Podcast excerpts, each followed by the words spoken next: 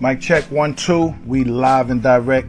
I wanted to get back into where I was with the NBA recording, and I'm still getting used to the whole anchor system, but you know, over time, I will perfect it. Uh, we were previously talking about All Star Weekend 2018, which is vastly approaching um, this weekend, Friday. Um, starts the whole kickoff with everything.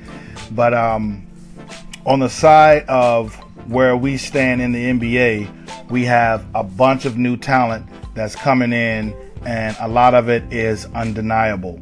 Um, LeBron James and Kyrie Irving possibly are creating a brand new rivalry in the East. Meanwhile, Golden State and the Houston Rockets quite possibly are creating the new West rivalry. Um, the Warriors are stacked, man. And when I say stacked, I mean an abundance of talent, not just with the starters, but with the bench as well. They go very deep into their roster. Um, so are the Boston Celtics, and now so are the Cleveland Cavaliers. Um, the Houston Rockets are brand new to the whole stacking type of vibe to me, um, just because of James Harden and Chris Paul creating this new dynamic duo for these guys. So I hope that everything works out to the whole vibe of keeping everybody in the same type of mind frame so that they can all get on the same page to win a championship. And that's going to take coaching, that's going to take veteran leadership, that's going to take um, a lot of people doing their job. But I am rooting for the NBA to continue to put out a great product. Um, Blake Griffin is now with the Pistons, going from the West Coast to the East Coast. I know that's a dramatic change, climate change, culture change for him, so I'm rooting for him. Russell Westbrook, one of my favorite point guards in the league, just got another triple double the other night. I'm rooting for him as well.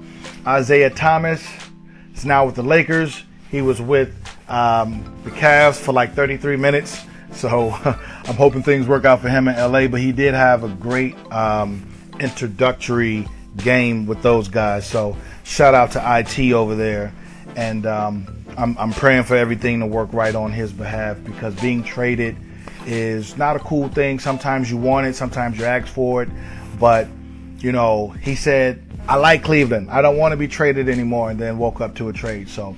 Um, he must have not known that LeBron is the player, GM, and coach over there in Cleveland. So, uh, kudos to everybody that's tuned in right now. Um, like I said, I'm brand new to the platform, but you will get some deep, in depth content as the days go on. Today is just a groundbreaking day, uh, cutting the ribbon, so to speak, on the whole debate with yourself uh, podcast. And, you know, I'm going to be showcasing a lot of music, um, independent music. I feel like the guys in the industry have enough backing from the major corporations to where they don't need me to promote their music anymore.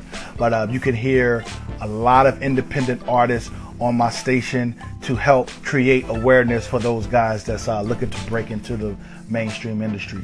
Um, one lesson that I'm always going to preach on here uh, is keep God first. Um, without our creator behind you. All of your dreams, all of your aspirations can never be fulfilled in a total abundance. So always keep God first. Keep your King James Bible around, very close, very handy, because this is just a guideline to life. Everything that you want to do in life, this book has the answers. So don't be afraid. If you want to call in, you got questions, you got um, comments about what I spoke about, please feel free. But just know this you can debate with your mother, you can debate with your father, but you would never ever debate with me. Peace out.